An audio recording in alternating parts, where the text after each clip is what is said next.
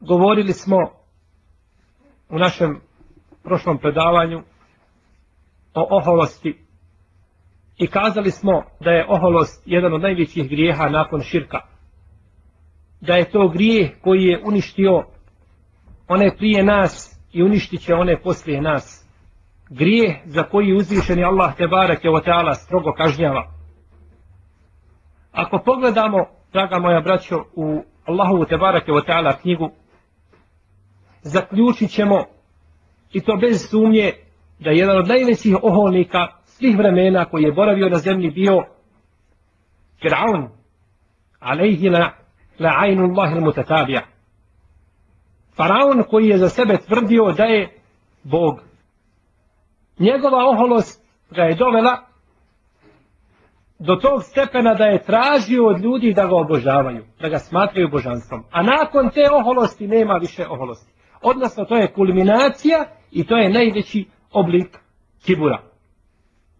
Sve što je dobio od uzvišenog Allaha te barake od što mu je dao od hajrata, on je kazao na kraju Kale innema utituhu ala ilmin indi. Ja sam to dobio, ja sam to stekao sa znanjem koje imam. Znači, oholio se i nije htio da prizna Allahovu te barake od blagodat prema njemu, pa kaže innama utituhu ala ilmin indi. To sam ja dobio zbog znanja koje imam. Pametan sam, pa sam uspio da dobijem sve ovo blago. Pa se oholio na svojim narodom. Fa haređa ala qavmihi fi zinati. Pa je izišao pred svoj narod sa svim onim ukrasima i ljepotama koje je imao od bogatstva. Pa kad su ga vidjela bolestna srca, قال الذين يريدون الحياة الدنيا يا ليت لنا مثل ما أوتي قارون إنه لذو حظ عظيم. Kažu oni koji su voljeli Dunjaluk i ove prolazne nepote, kamo sreće da je nama ono što je dobio Karun. Kamo sreće da je nama tako nešto. On je u istinu pravi sretnik. On je u istinu pravi sretnik. Zbog čega? Zbog imetka koga je dobio. Kako nam uzvišeni Allah te barek o tome govori, pa kaže, inna Karuna kane min qavmi Musa fe bega alejhim. Karun je bio jedan od sredbenika ili od Musava naroda. Fe bega alejhim pa im je učinio nepravdu i zulum. وآتيناه من الكنوز ما إن مفاتحه لتنوء بالعسبة وللقوة إذ قال له قومه لا تفرح إن الله لا يحب الفرحين A mi smo mu dali od imetka i bogatstva da jedna jaka, velika skupina ljudi nije mogla da ponese samo ključeve njegovih odaja i njegovih riznica. Kada mu je njegov narod kazao nemoj se radovati, nemoj se pretjerano radovati, Allah ne voli one koji se raduju. Ne voli Allah one koji se raduju, a u isto vrijeme su mu oholnici. A vjernici treba da se raduju. Znači, Firaun je bio jedan od najvećih oholnika. I zato je imao, braćo moja, takav završetak. Da ga je Allah te barek od tala potopio na očigled Benu Israila i sačuvao njegovo tijelo da bude pouka onima koji slijede i koji dolaze nakon, nakon njega. Bileži ima Mahmed u svome musnedu sa dobrim lancem prenosilaca od Ebu Seleme ibn Abdurrahmana ibn Aufa da je rekao sreli su se na Mervi Abdullah ibn Omar i Abdullah ibn Amr ibn Laas. Pa su sjeli jedno vrijeme i pričali. Pa se okrenuo Abdullah ibn Amr ibn Laas i otišao, a ostao je Abdullah ibn Omar da sjedi dalje. Pa je počeo plakati. Pa mu je došao čovjek i rekao, o Ebu Abdurrahmane, to jeste Abdullah ibn Omar, Kaže, šta te je to rasplakalo? Zbog čega plačeš? Pa je rekao, Za'ame sahibi nebija sallallahu alaihi wa alihi wa sallame kal, men kane fi kalbihi mitkalu habbetin min harđalin min kibr, ekebdahu Allahu ala vajhi finna.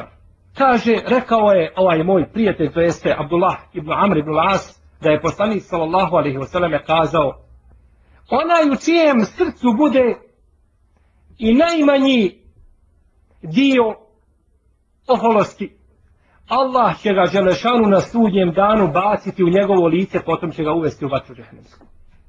I nakon toga, zbog tih riječi, Abdullah ibn Omar, radijallahu ta'ala anhu, je zaplakao. Zaplakao je Abdullah ibn Omar zbog tih riječi, jer je znao kakva kazna pripada čovjeku koji se oholi na zemlji.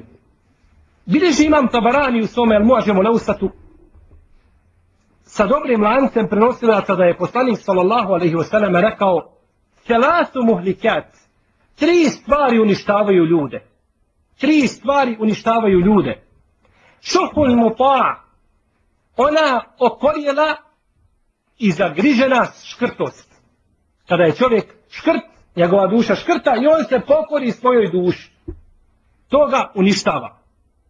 Uhevan mutaba i strast koja se slijedi.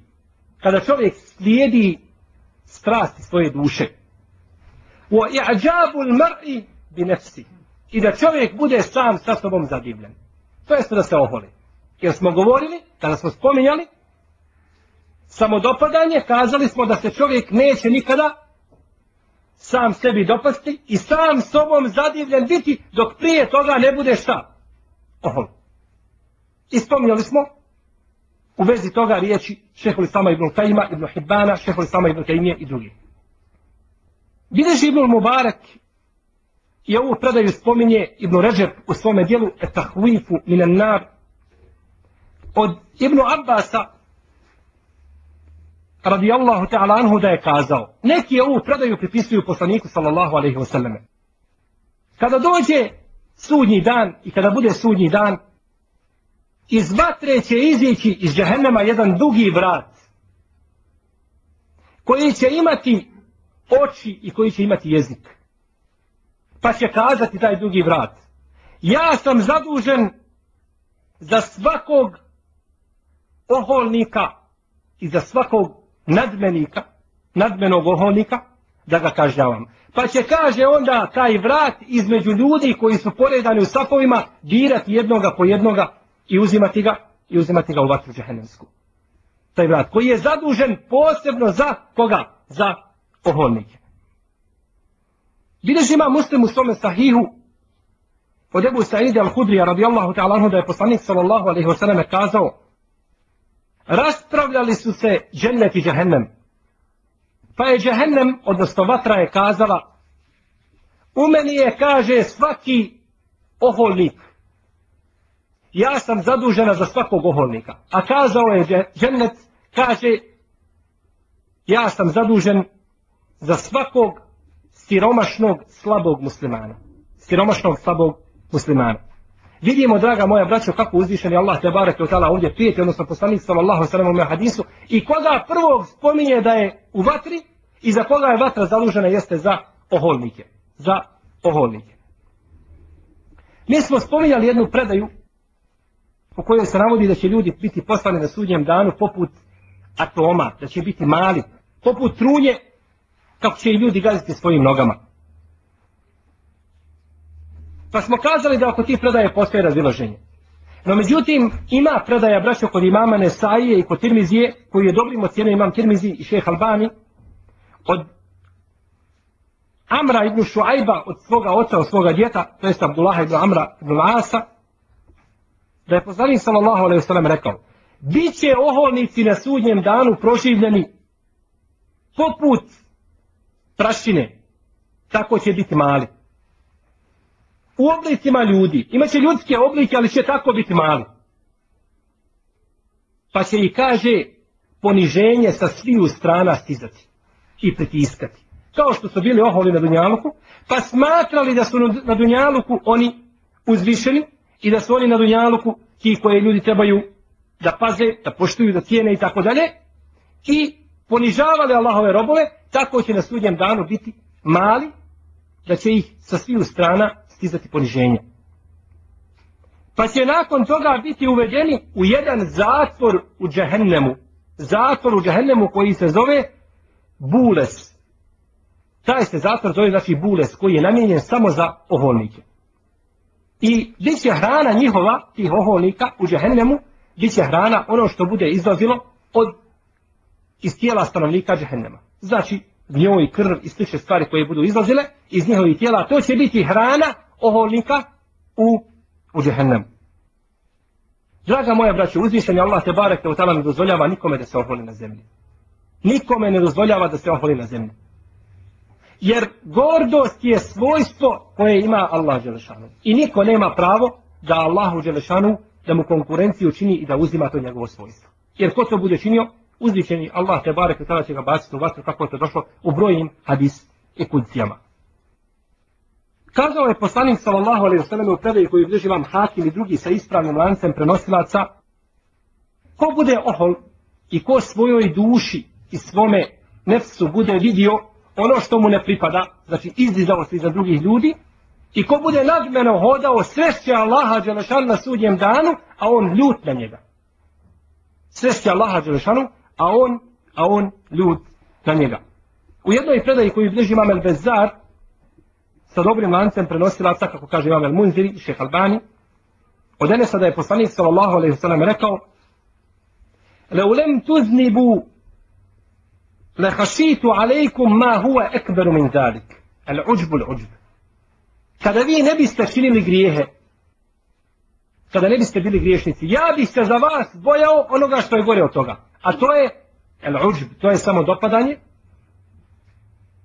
koje je bilo prouzročeno čime? ohološću zato imam braće Šafija govorio kako bilježi imam el Bejhefi u svome dijelu Šobol Iman kaže imam Šafija oholost je grijeh koji je sakupio sve loše, sva loša svojstva i sve loše osobine. To je najgori grijeh i ne pomaže sa ohološću dobro djelo. Po imamu šafi, onaj ko čini dobro djelo, a ohol je, to ne pomaže mu kod Allaha Želešanu.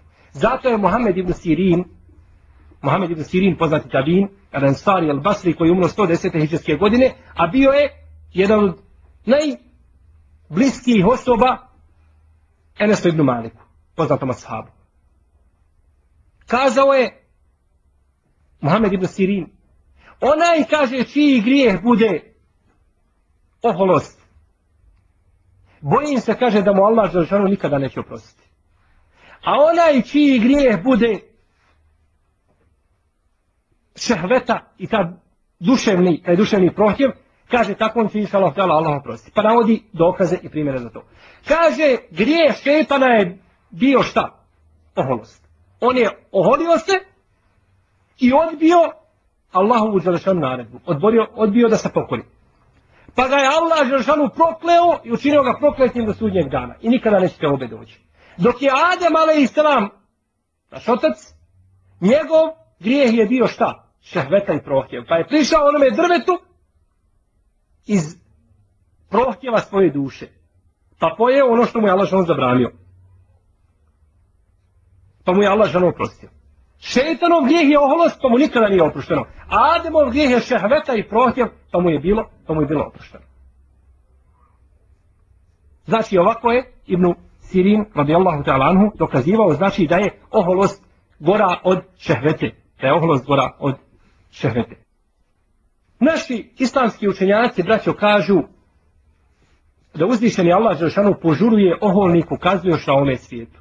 Ne ostavlja ga samo do budućeg svijeta. Na ome svijetu mu požuruje, požuruje njegovu kaznu. Zato uzvišeni Allah te barake od jeste zabrani oholost zbog toga što je to najveći grije na ahiretu i najveći grije na dunjaluku. Kako kaže uzvišeni Allah te barake od tala وَلَا تُسْتَعِدْ lin-nas wala tamshi fil ardi maraha." I nemoj ti svoju glavu okretati od ljudi oholo i nemoj nadmeno po zemlji hodati. Ovdje je ona tu sa'ir, sa'ara u arapskom jeziku znači braćo bolest deva koja ih pogađa u njihovom vratu. Pa onda dolazi do krivljenja vrata te deve. Deva ima dug vrat. Pa dolazi da se taj vrat krivi pa se okrene glava na drugu stranu. E ovdje je tako Allah Želšanu kazao i nemoj ti biti kao ta deva koju pogodi bolest pa svoju glavu zasluče i okreće svoju glavu od ljudi nadmeno i oholo pa da na kraju budeš od onih koji su propali. I kaže uzvišteni Allah tabaraka wa ta'ala Wala تَمْسِي fil ardi maraha. I nemoj po zemlji nadmeno hodati. Nemoj ohol biti. Inneke len tahrika l'ard, volen tebluga l'đibale pula. Pa ti ne možeš svojom ohološću probiti zemlju, koliko god da bi ohol, nikad nećeš zemlju probiti. Niti možeš dostići planinske visine. I koliko god da oholo i nadmeno hodao i dizao svoju glavu, nikada nećeš biti visok kao jedna planina. Pa zbog čega se onda, zbog čega se onda oholiš? Zato, draga moja braćo, ako je stvar takva sa čovjekom, ako čovjek zna odakle je potekao i kako ga je Allah Žešanu stvorio na ovaj svijet, zbog čega onda da se oholi? Pa kada hoće da se oholi, onda da se treba da se sjeti svoga porijekla. Odakle je nastao? Odakle je nastao? Poslanik sallallahu alejhi ve selleme, draga moja braćo nas upozorava kako da kako da se obuzmemo u sržbi i u ljutnji. I kako da suzbijemo ljutnju. A ljutja, braćo, nije grije. Ljutja sama po sebi nije grije. Ako ta ljutja nema loših posljedica. Pa šta mislite onda o oholosti? Zato kaže poslanik sallallahu alejhi ve selleme u predaji koji bliži vam Abu Davud i ima Ahmed, Kada se neko od vas naljuti, a on stoji, neka sjedne. Pa ako ode njegova sržba, dobro je. A ako ne ode, kaže neka se neka se izvrne, neka leže. Neka leže da tako ode sržba prije njega. Ovo je poslanički lijek kako da se čovjek braćo liječi, liješi ljutnje. Došlo je u pojedinim hadisima kada je čovjek ljut šta da uradi. Prvo se navodi da treba čovjek da prouči E'uzu, da traži utočište od Allaha te barake u tala od prokletog šeitana koji ga nagovara da bude ljut. Jer šeitan voli ljutnju. Jer ljutnja ne donosi osim zlo. Mislimo na ljutnju koja nije vezana za vjeru. Koja nije iz vjerskih povoda. Jer ne može musliman kazati, za, nije čovjek dozvoljen da se ljuti Jer je poslanik sallallahu alejhi ve sellem onome ashabu kada je pitao kada je savjetuje me Allahu poslaniče, kaže la tagdab. Nemoj se ljutiti. Prvi savjet nemoj se ljutiti. No međutim kako nemoj se ljutiti? Nemoj se ljutiti zbog stvari čija ljute ne pomaže. No međutim možemo li danas kazati židovi su ušli u Kuds i muslimani su u poruženju i mi se nećemo ljutiti. Jer nije dozvan da se ljutimo. Ne, tu je ljutnja i badet. Jer je poslanik sallallahu alejhi ve sellem kada bi mu neko nešto rekao, vezano za vjeru i uvrijedio vjeru ili kazao nešto što nije trebao kazati, onda se kaže da bi se zajapurilo njegovo lice i bilo sve crveno. Znači ima vrijeme kada se čovjek treba ljutiti, a ima vrijeme kada ne treba. Ovdje se govori o onim vremenima kada je ljutnja, kada je bolje da se čovjek ne ljuti. Kada ta ljutnja nema svoga ploda. Znači treba da prouči a uzu da traži zaštitu od uzvišenog Allaha te baraka u tamo prokletog šeitana. Druga stvar koju čovjek treba da učini jeste da se abdesti. I ovo se navodi u brojnim hadisima, ali svi su slabi. Slabi su hadisi, nisu vjerodostojni, ali se to prenosi od skupine Selepa, naših prvih generacija koje su tako postupali, tako govore, kada se čovjek razvijeti, treba da se abdesti. Pa vjerovatno da je njihov postupak ovdje proizišao iz prakse. Da su znači primijenili to pa vidjeli da to pomaže. Iako se to znači ne može 100% smatrati jeli, sunnetom. Treća stvar koje čovjek treba, na koju treba dobrati pažnju, to je da što manje priča kada je ljud. Jer čovjek kada je ljud kazat će riječ koja se možda ne bi trebala kazati ili je ne bi kazao da nije bio ljud. Jer islamski učenjaci braćo kažu da je riječ kao veliki vik koji iziđe iz male rupe. Kad iziđe nikad se više ne može u nju vratiti. Ili kao dijete kada iziđe iz majčine utrobe. Kad iziđe nikad se više u nju ne može vratiti. Gotovo je. E tako i riječ. Riječ kada iziđe i kada se kaže, gotovo je. Tada čovjek biva pitan za nju. Zato poslanik sallallahu alejhi ve selleme kaže: "Neđa men samet." Neđa men samet. Uspio je onaj ko šuti. Jeste li braćo ikada vidjeli čovjeka koji šuti da se pokajao? Nikada. Uvijek se pokaje onaj šta koji priča, a naročito onaj koji šta ne kontrolisano priča. On se naročito kaje. Zato je šutnja vrijedna zlata. I navodi se od naših prvih generacija da su govorile, onaj ko bude šutao puno, Allah Đelšanu će ga obskrbiti hikmetom i mudrošću. Četvrta stvar, braćo, ako ne ode od čovjeka ljutnja i sržba. Znadete li, braćo, šta je sunet poslanika, sallallahu sallam, šta da čovjek učini? Sve je to primijenio, nije ošla ljutnja. Kada treba svoj obraz da spusti na zemlju? Svoj obraz da spusti na zemlju. Zašto? Da se sjeti iz svoga porijekla. Ti se oholiš sa svojom glavom i sa svojim tijelom. E spusti sad taj, taj svoj obraz, najčastniji dio koji smatraš kod sebe, ili jedan od čast, najčastnijih dijelova, spusti ga na zemlju i sjeti se porijekla svoga od te zemlje. Pa se nemoj ljutiti, nemoj se srditi. Jer uzvišen je Allah te barek tala može se na tebe naljuti da srditi, pa ćeš onda imati ružnu, pa ćeš onda imati ružnu konačnicu. Došlo je u predaj koji bliži ima Muslim ibn Hibban i drugi, da je poslanik sallallahu alaihi wasallam kazao jednom čovjeku koji je jeo lijevom rukom. Jedi kaže desnom rukom. Pa je rekao, ne mogu. Ne mogu jesti. Kaže ravija hadisa, nije ga spriječilo ništa, nego oholost. Nije htio da se pokori, naredio poslanika sallallahu sallam, oholost. Pa je rekao poslanik, da Bog da, ne mogao. Da Bog da i ne mogao. Pa kaže ravija hadisa, pa je nikada više nije mogao dići do svojih usta. Odmah se njegova ruka osušila. To je, braće, oholost. To se zove u šerijetu oholost. Znaš da je nešto praksa poslanika sallallahu alejhi ve sellem i da nešto treba raditi. I nakon toga kažeš neću. To je oholost. Ne oholost, znači ne treba nijet. Znači kaže, e sad nijetim da bude ohol, a sad ne nijetim da bude ohol. Takvo djelo je oholost samo po sebi. To je završeno.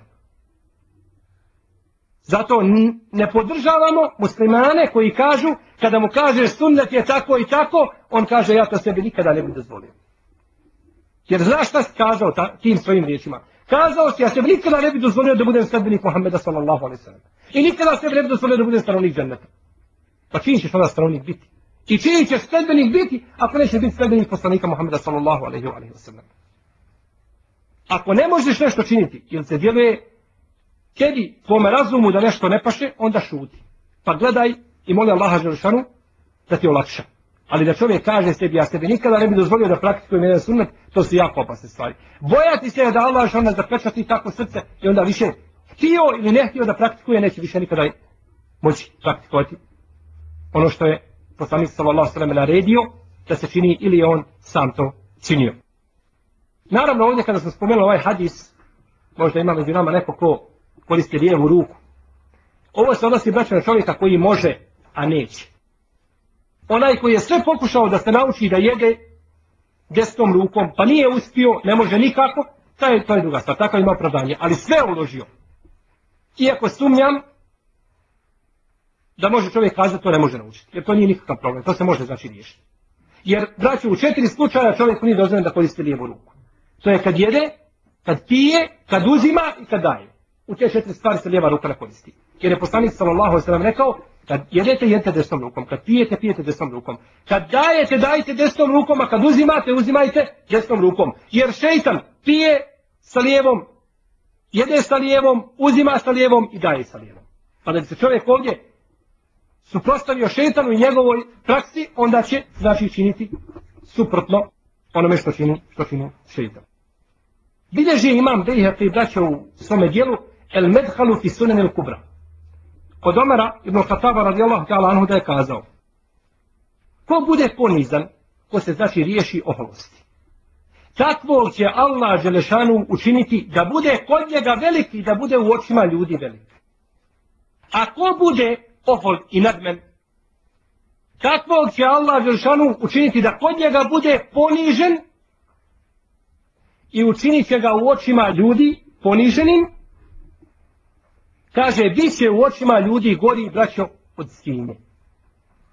Ovo su riječi Omara ibn Khattaba radijallahu ta'ala. Da čovjek koji bude ohol, da će ga Allah žanu učiniti da bude u očima ljudi gori i od svinje. Ibn Kesir spominje jednu predaju u svome tefsiru, u kojoj pripisuje ovu, ovaj hadis poslaniku sallallahu sallam, međutim nisam ga mogao naći, naći u poznatim hadiskim zbirkama, u kome se kaže da će ga učiniti ali riječ poslanika sallallahu alejhi ve selleme ne Omara, da će ga učiniti Allah te barek džala kod ljudi gorim od svinje i psa. Kada bismo, draga moja braćo, pogledali u siru, u istoriju Islama, vidjeli bismo brojne predaje koje ukazuju i koje nam govore kako su skončavali oholnici. Kako je uzvišeni Allah te barek od tala kažnjavao oholnike. Bileži imam Ebu Bekr el Wasiti, poznat po imenu Bahšel, Bahšel, u svome dijelu Tarihu Wasit, od Abdul Međida ibn Abdul Aziza ibn Ebi Rawada. Kaže, u naše vrijeme je bio čovjek koji je pisao Kur'an, prepisivao Kur'an, bio je nasih. Onaj koji prepisuje Kur'an, ili bilo koju drugu knjigu. Jer u njihovo vrijeme, braćo, nije bilo štamparija pa da se knjige štampale. Već kada je neko htio da ima neku knjigu, morao je da prepiše sebi tu knjigu. Kaže pa je prepisao Kur'an za šest dana. Upitali su ga, kaže, za koliko je dana prepisao Kur'an? Kaže, za šest dana. I kaže, nisam se umorio. Nisam se umorio. Šta hoće kazati? Hoće kazati da će ono što je Allah šanu kazao. وَلَقَدْ خَلَقْنَ السَّمَاوَاتِ وَالْأَرْضِ fi sitati ejam, oma mesela min lugub. I mi smo stvorili nebesa i zemlju za šest dana i nismo se umorili. Pa on hoće kazati, ja sam prepisao Kur'an i nisam se umorio. Oholnik. Ovo je, braćo, najveći vid oholosti i ovo je ciljajući ovaj ajet kufuru Allaha Đelešana. Da sebi čovjek uze svojstvo Allaha Đelešana. Čovjek da kaže jednu riječ, to zahtjeva njegov umni i fizički trud. I to je već umor. Jer se umor definiše da je to ili rad se definiše da je to umno ili fizičko naprezanje tijela. I znači ti ste već umorio jednu riječ dok kažeš. Možda to ne osjetiš, ali to je umor. Allah već on ništa od toga nije podlo. Kaže ovdje, milu gub, ama baš nimalo i nikakav umor. Ništa. Allah Želešanu braće ne može ništa umoriti. Pa uzmite koliko je Allah Želešanu dao ljudima od stvaranja nebesa i zemlje do današnjih dana. I koliko će im dati do sudnjega dana. Koliko im je hrane dao vode, vazduha, hajrata i dobra svega što su ljudi uništili. To od Allahove zašanu ono moće, braćo, nije umanjilo, nikoliko kada se igla umoči u more, pa kada izvadiš, ona bude onako suha. Ništa, ništa od Allahove zašanu ono moći to nije umanjilo. Ali on sebi ovdje pripisuje Allahove zašanu ono svojstvo. Pa kaže ovaj ravija, Abdul Međid ibn Abdul Aziz ibn Berawad, pa mu se kaže njegova ruka osušila istog momenta. Istog se momenta kaže njegova ruka osušila i nikad kaže više sa njom jednog harpa napisao nije. E sada vidi, hoćeš li se umoriti ili se nećeš umoriti. Pogledaj kada sebi pripišeš Allahu Žešanu svojstvo. Ovo je braća kazna istog momenta, istog momenta na Dunjalu. I bile živno je Hatim razi u svome tefsiru, kaže kod riječi Allaha tabaraka wa ta'ala li testevu ala zuhurihi thumma tezkuru ni'meta, ni'meta rabbikum ida stavajtum alejhi wa tekulu subhana alladhi sakhara lana hada wa ma kunna lehu muqrinin wa inna ila rabbina lamunqalibun. Kaže kod ovoga ajeta kada se vi popnete na njihova leđa, to jeste na leđa svojih jahalica ili svojih lađa na kojima putujete, da se sjetite blagodati svoga gospodara kojima se obdario i da kažete slavljen neka je onaj koji je nama podčinio ovu jahalicu Jer da nam on to nije podčinio, mi nikada ne bismo ovako nešto imali, niti bismo imali moći i snage da se popnemo na tu jahalicu. Znači Allah što nije dao razum i snagu, tijela da li bi se kada čovjek mogao popeti jahalicu? Nikada. I da kažete, mi se našem gospodaru vraćamo. Kaže Mujahid, bili smo jedne prilike na putu, pa smo proučili ovaj ajet, kada smo sjeli na jahalicu. No, međutim, jedan čovjek je, kaže, imao jako slabo neugojeno magare, koje je jahao. Pa kad se je popeo, kaže, ja neću kazati, kaže, ovu dovu. Jer kaže, ja sam se, kaže, mogao na ovo, kaže, mršavo, kaže, popeti, kaže, bez ničije moći, bez ničije pomoći. Nemam potrebe, ja nemam ugojenu jahalicu po ili, pa je kazao, kaže, ja nemam potrebe da kažem tu dovu, niti je hoću reći. Kaže mu džahid, pa je njegova jahalica krenula. Kaže, pa je počela, kaže, ići sve brže i brže. I bila je, kaže, najbrža od svi. I kaže, počela je skakati, kaže, dok ga nije bacila i dok nije, kaže, pao na glavu i dok kaže nije slomio i dok nije slomio vrat.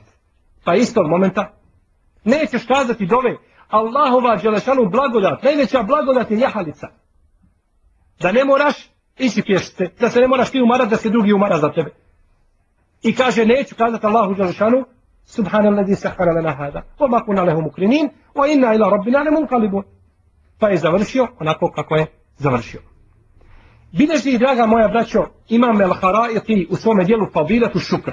Od istog ovoga ravije koga smo spomenuli. A on se zove Abdul, Abdul Međid ibn Abdulaziz ibn Birawad. Bila je u Mervi, Merva, to je jedno poznato mjesto, iz koje su izišli brojni islamski učenjaci, kao Ibn Nasr, Al-Mervozi i drugi. Kaže, bila je žena u našem mjestu koja je rađala samo žensku djecu. Rodila je devetero ženske djece. Nije rodila ni jedno muško djete. Pa su joj žene kazale, ako ti sada rodiš deseti put nakon što je zatrudnjela, ako rodiš ponovo žensko djete, kaži, alhamdulillah, zahvali se Allahu Đelešanu. To je Allahu Đelešanu blagodat. To je Allahu Đelešanu blagodat. Jehebu li men ješao inaten, o jehebu li men ješao zukur, kaže Allah Đelešanu. Daje kome hoće žensku djecu, daje kome hoće mušku djecu. Pa je Allah Đelešanu ovdje počeo čime? Sa ženskom djecom sa ženskom djecom. I zato kaže jedan dio islamskih učenjaka da je bolje čovjeku da ima žensko djete prije muškog. To je jedno mišljenje. Da ima žensko djete prije muškog. Jer su ženska djeca po svojoj prirodi blaža, nježnija. Žensko djete će biti prije, pa će pomagati majici u njenim svakodnevnim poslovima, što neće muško, prije će odrasti. A muško djete će gledati kako ta njegova sestra pomaže majici njegovoj, pa će se ugledati, pa će i ono biti u dobročinstvu kao i sestra, je tako? Dok ako bude prvo muško dijete, onda stvari možda idu malo drugačije. To je znači jedno od mišljenja. Pa kaže ovdje, daje kome hoće, Allah što ono daje kome hoće žensku djecu, daje kome hoće mušku djecu. To je Allah što ono blagodat. I to ne mogu ljudi odlučivati. Allah daje šta hoće i kome hoće. I kako hoće. I koliko hoće. Pa kaže, reci, kaže, alhamdulillah. Kaže, tako mi je Allaha. Ako i sada rodim žensko djete, neću kazati alhamdulillah. Šta je to? Oholost. Neću zahvaliti. Allah ti dao djete, muško ili žensko, to je sve jedno. Možda ti žensko dijete bude veći dobročinitelj nego muško. Možda ćeš poželjeti da nikad nisi imao to muško dijete. Pa kaže, neću kazati alhamdulillah. Pa kaže ravija hadisa, kaže pa je rodila ono što je rodila. Kaže pa je moja majka ušla kod nje. Pa kaže, vidjela je, kaže da je rodila svinju. Imala je, kaže, odjeću i svojom odjećom je pokriva i kaže, majka je, kaže, ispod odjeće vidjela da je to svinja. Pa je živila tri dana pa je umrila pa se ukupala. Svinju je, kaže, rodila. Pogledajte, draga moja braćo, kako kada se čovjek oholi kada Allahovim Đelšanu blagodatima, kako ga uzvišenje Allah šano kazi. A koliko se ljudi svjesno ili nesvjesno oholi, pa ne zahvali Allahu Đelšanu na svakoj blagodat koju ima. Sjećam se da je šehol islam ovoga vremena, Ibn Baz, rahimahullahu ta'ala, kada bi jeo, svaki put kada bi uzeo zalogaj i usta da stavi, kazao bi, bismillah. A svaki put kada bi progutao zalogaj, kazao bi, alhamdulillah. I tako kod svakog zalogaja. Zahvaljujem se na Allahu i Žešan blagodat. To nije sunnet na takav način, dovoljno čovjek kaže na početku, bismillah, na kraju, alhamdulillah, da međutim, znači, pogledajte te, ovaj, te zahvalnosti Allahu Žešan. Svakom zalogaju zahvaljujem Allahu Žešan. Jer mi je mogo taj zalogaj stati u mome grlu da me udavi. Mogu mi je Allah želim da mi ne dade taj zalogaj, pa da umrem od i tako dalje. Pa je na svemu tome zahvaljivo svome gospodaru Tebarake, o teala da mu se Allah zašan usmiluje i da ga inšala uvede u dženecka poslanstva. Pominje, braćo, imam Ibn Munzir u svome dijelu El Ađaibul Garibe. El Ađaib El Garibe. A ovo je priču prenio Ibn Kesir u svome tefsiru, budući da je ova knjiga izgubljena. Kaže, Neufel Ibn Mesahik kaže, ušao sam jednoga dana u jedan od mesčida u Neđranu. Kaže, pa sam, kaže, ušao i vidio u tom mesčidu, kaže, jednog momka. Kaže, pa sam stao i gledao u njega i počeo se, kaže, diviti njegovoj visini i njegovoj ljepoti. Kako ga je Allah ženu tako skladno stvorio. Tako lijep, tako visok, tako stasan. Pa sam se, kaže, počeo diviti njemu. Kaže, pa je vidio da ja gledam u njega i kazao, o Allahov robe, zbog čega gledaš u mene? Kaže, gledam u tebe i divim se tebi, kako te Allah Žešanu lijepo stvorio, kako si lijep, kako si visok. Pa mu je rekao ovaj mladić, ovaj oholnik, bezobraznik, zločinac, kaže, u istinu se kaže, uzvišeni Allah meni divi. Allah koji me je stvorio, kaže, on se meni divi. Allah koji ga je stvorio, da se on divi jednom takvom biću. Kaže ovaj čovjek, pa je ostao sa mnom u džamiji. Kaže, pa se je počeo smanjivati. Kada god pogledam, kaže, u njega bio bi manji i manji. Smanjivao se, kaže, dok mu nije, kaže, bila njegova visina samo jedan pedal. Samo jedan pedal. Kaže, pa je nakon toga došao jedan od njegovih rođaka i kaže, uzeo ga i stavio ga u svoj rukav i iznio ga iz džamije i otišao. U svoj ga rukav stavio. Vidite, braćo, kako Allah Đelšanu, kako kazni. I to na način čime se je čovjek oholio, Allah Đelšanu sa tega strane kazni. Pa ko će ti se sada diviti? Ko će ti se sada diviti? Spominje imam sujuti, pa vas se prisa navodi u tefsiru Đelalejni, da se spominje kod reći Allaha Đelešanu, kul arajtum min aspaha ma'ukum gauren, kane je tikum bi ma'in ma'in, a šta mislite kada bi zemlja svu vodu u svoju utrobu povukla, ko bi vam došao sa pitkom vodom? Allah šanu pita ljude, da razmisle ljudi. Kada bi Allah šanu dao da zemlja uvuče vodu u sebe, ko bi vam to došao sa pitkom vodom? Kaže jedan od otih koji je tu bio prisutan, rekao je, kaže, el fuusu wal me'awil. El fuusu wal me'awil. Fuus je množina, množina od riječi pes, što znači sjekira. A me'awil je od, množina od riječi mi'awel, to je jedna alatka za kopanje, kao kramp ili nešto u tome smislu. Kaže, znači sjekire, lopate, kramp, mi ćemo kopati, pa ćemo doći do, do vode. Eto, ko će nam dati vode. Pa kaže ravija ove predaje, pa je Allah žanu dao, kaže da mu se osuši voda u njegovim očima. Va sluz koja ima u očima, bez koje koji čovjek ne može normalno zatvarati i otvarati očne kapke, kaže osušam se, pa je oslijepio. Pa je oslijepio. Pa eto, ko će ti sada dati vodu koja je u tvojim očima.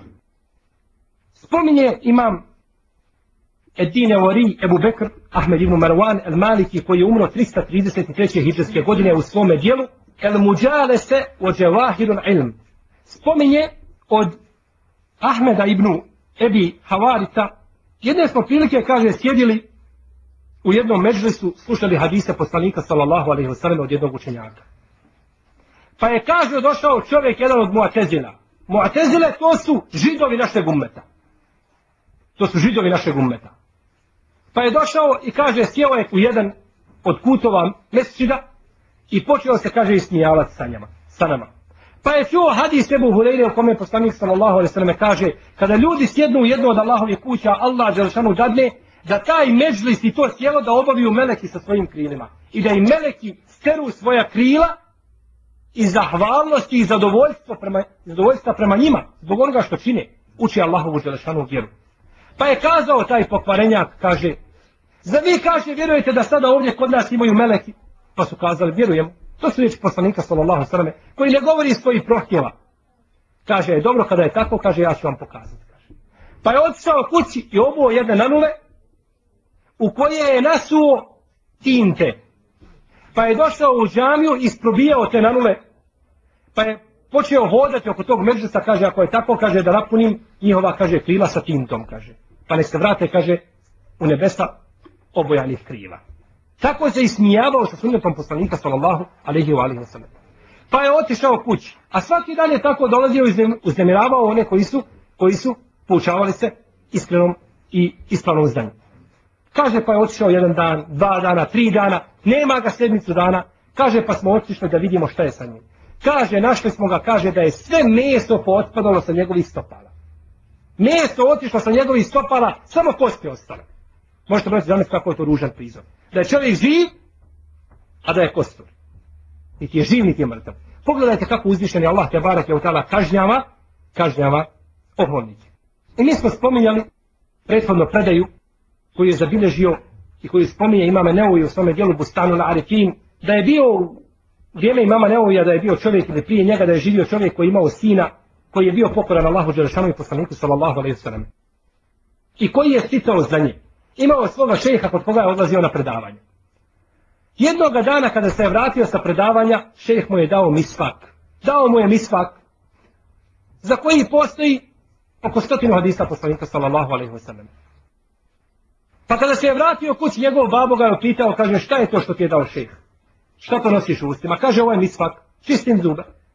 Naređeno sunetom poslanika sallallahu alaihi wa sallam. Pa kaže, daj to vamo. Pa je uzeo taj misvak i stavio ga u svoj stražni dio tijela. Kaže, ovo ne vrijedi nigdje nego za ovdje. Pa Hoće kazati, takav je i sunnet sav i takva je i vjera. To je najveća vrsta oholosti. To je najveća vrsta oholosti, nema, post, nema sumnje da je ovaj postupak kufur, nevjerstvo. Ako je znao, ako je znao da je misvak, ako je znao da je misvak sunnet poslanika sallallahu alaihi wa alaihi wa sallam. Pa je iskušan sa bolešću. Počeo je njegov stomak da se nadima i da raste. Devet mjeseci. Devet mjeseci njegov stomak raste. U devetom mjesecu, jel kada biva porod, rodio je jednu životinju. Životinju koja je imala velike uši i velike rogove i dug rep. Pa je došla njegova starija čjerka i bacila jedan veliki kamen na njega, na tu životinju, i ubila je, životinju je znači bacila kamen i ubila je, pa je i taj babu njezin umro nakon kratkog vremena. Kako ga je Allah Đeršanu kazio na isti način, tamo gdje si stavio taj niskak, e s tog mjesta istog ćeš biti kažnjen. I bit ćeš ponižen. I ostaju onda te predaje, da se spominju do sudnjega dana, da se vidi kako su oholnici, kako su oholnici završavali. Spominje šehol Islam ibn Kajim u svome dijelu Igasatu Lehfan od El-Walida ibn Abdul Melika, jednog islamskog vladara koji je umro 96. hijđarske godine. Koji je proširio mesčid poslanika sallallahu alaihi wasallam i sagradio je mesčid u Dimašku. Brinuo se o brojnim siromasima, otvarao je brojne zemlje, vodio džihad i tako dalje. No, međutim, bio je šta? Bio je oholnik. Bio je oholnik. I takvi su bili mnogi. Možda su sprovodili Allahove žršanu zakone, ali on u sebi bio ohol. Oholio se. Pa je čitao ajete Kur'ana. I svaki ajet, otvorio bi Kur'an, i svaki ajet koji pročita, kaže ovaj ajet je objavljen zbog mene. Ovo je mene objavljen. Ne njemu, ali je povodom njega objavljeno. Pa svaki ajet pročita, kaže ovo je meni objavljeno. Ovo se odnosi na mene. I svaki bi ajet uvrne ga, s oba dvije strane i usluče ga, da dokaže ljudima kako stoji ipak jednim i drugim putem odnosi da je to objavljeno povodom njega. Pa jednog dana otvorio Kur'an i pročitao riječi Allaha te barake wa ta'ala وَسْتَبْتَحُوا وَحَابَ كُلُّ جَبَّارِ نَعْنِيمُ I poslanici su tražili pomoć od Allaha Želešanu i uistinu je propao svaki oholnik i svaki nadmenik. Pa kada je to pročitao, nije mu se dopao taj ajec. Znači, on nije poslanik, znači da je on oholnik nadmenik. Pa je kazao, znači ovo je za mene objavljeno, da sam ja propao. E kaže, ako je tako, dajte mi, kaže Kur'an. Pa je pocijepao, potrgao Kur'an svojim rukama. I kazao je, e Kur'anu, kada ga je potrgao, kaže, sada kad dođeš pred Allaha na sudnjem danu, kad te bude pitao, ko te je potrgao, reci, potrgao je me, El Walid ibn Abdul Malik. Tako mu kaže. Pogledajte, braću, oholosti. Pa je nakon kratkog vremena ušla skupina ljudi u njegov dvorac, pa su ga potrgali i raskomadali onako kao što on pokidao Kur'an. I razapeli ga po njegovoj palači i po njegovim dvorcima, pa je ostao tako razapet, raskomadan sav u komade. Tako ga uzvišeni Allah te barake o teala kaznio. Inače, braćo Ibn Qajim u svome dijelu Ruh, duša, spominje od e, Amra Ibn Mejmuna, kaže, čuo sam, kaže, Omara Ibn Abdulaziza, da je rekao, bio sam, kaže, od onih koji su spustali El Walida Ibn Abdul Melika, ovoga vladara, u kabur. Spustali su ga, kaže, spustali smo ga u kabur. Kaže, kada smo ga spustili, kaže, njegove koljena su se, kaže, presukala do njegovog, kaže, vrata i do njegove brade. Njegova koljena. Pa je njegov sin kazao, kako mi gospodara Kjabe, kaže, moj babo je živ. Moj babo je živ. Pa mu je kazao Omer ibn Abdulaziz, kaže, tako mi gospodara Kjabe, tvom je babi požurena kazna. Ne čeka se da se zatvori kabur. Nije, Allah žele neće čekati im da se kabur zatvori. Dok je stavi po kabur, već mu je počela kazna. Pa je bio kažnjen. Pa se kaže da je Omar ibn Abdulaziz, radijallahu ta'ala ta'ala, nakon toga uvijek se prisjećao ovoga događaja imao veliki strah. Bojao se znači onoga što je vidio. Jer je to znači dokaz znači kaburskog azaba i onoga što se dešava naročito onima koji bivaju, koji bivaju oholi na zemlji. I bileži imam Ibn Abi Dunja u svom dijelu El Okubat od Ibn Mesauda radijallahu ta'ala anhu da je kazao kaže bio je kod bio je kod Benu Israila čovjek kralj, vladar koji je bio nadmen i ohol. Pa je jednoga dana kazao gledao je u prisutne i kazao kaže ne vidim da je danas iko uzvišeniji i počašćeniji od mene. Ja sam najbolji čovjek danas. Pa ga je uzvišeni Allah te barake od tala iskušao, praća sa najsitnijom svojom vojskom. Dao je samo da mu jedna mala mušta uđe kroz njegov nos i da uđe u njegovu lobanju. Pa je pozivao ljude i govorio dolazite i udarajte. Udarajte. Pa bi govorio udarajte s ove strane, udarajte s ove strane. Papućama njihovim.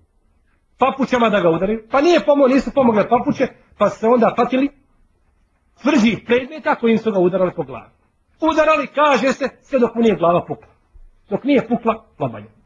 Udarali. Pogledajte vas, čovjek se oholi pred Allahom Đelešanu, nad istinom, a može ga Allah Đelešanu iskušati jednom malom mušicom ili jednom običnom bolešću ga može iskušati, da nikad više ne može biti ono što je bio. I može ga na velike muke staviti. Zato, draga moja braćo, obaveza je čovjeku, naročito vjerniku muslimanu koji se drži Allahove Đelešanu vjere, da pazi da ne bude ohol. A oholo se, braćo, može manifestirati na brojne načine. Na brojne načine. Kroz onaj način, ono što smo kazali kroz hadis, da je oholost batrul haq ogamtun nas. Odbijanje istine i ponižavanje ljudi. I to je ono zaista, ovo je, braćo, poslaničko-vjerovjesnička diagnoza koju daje svakom čovjeku. Ti vidi sebe. Gdje najviše čovjek pada? Pada kada mu dođe istina i dokaz, on neće da je prihvati. Okrene se. Kao da nije ništa čuo. Kaže ti se Allahov robe, to je zabranjeno. Ili to je haram. Kao da ništa nije čuo. Odmah oholost. I ponižavanje ljudi. Ogovaranje ljudi, prenošenje riječi, ovaj dizanje glasa na svoga brata muslimana bez potrebe. Sve to ulazi u šta? U oholost. Jer je to ponižavanje ljudi. To je ponižavanje ljudi. Zato, musliman, da ga moja braća mora paziti, da svjesno ili nesvjesno ne upadne u oholost, pa da ga onda uzvišenje Allah te barek tala priključi oholnicima i da bude proživljen, proživljen sa njima. Molim uzvišenog Allaha te barek tala da nas sačuva oholosti, one javne i one skrivene, da nam najbolji muči naša zadnja djela, da nas spoji u dženevskim prostranstvima sa našim poslanikom Muhammedom sallallahu alaihi wa alihi wa sallame, da nas pomogne u borbi prošle naših neprijatelja, da nas učini od onih koji će pomoći sunet poslanika sallallahu alaihi wa alihi wa sallam, wa jazakum Allah khairu jaza, wa sallallahu ala nabina Muhammedu wa ala alihi wa sahbihi ajma'in, wa jazakum Allah khairu jaza.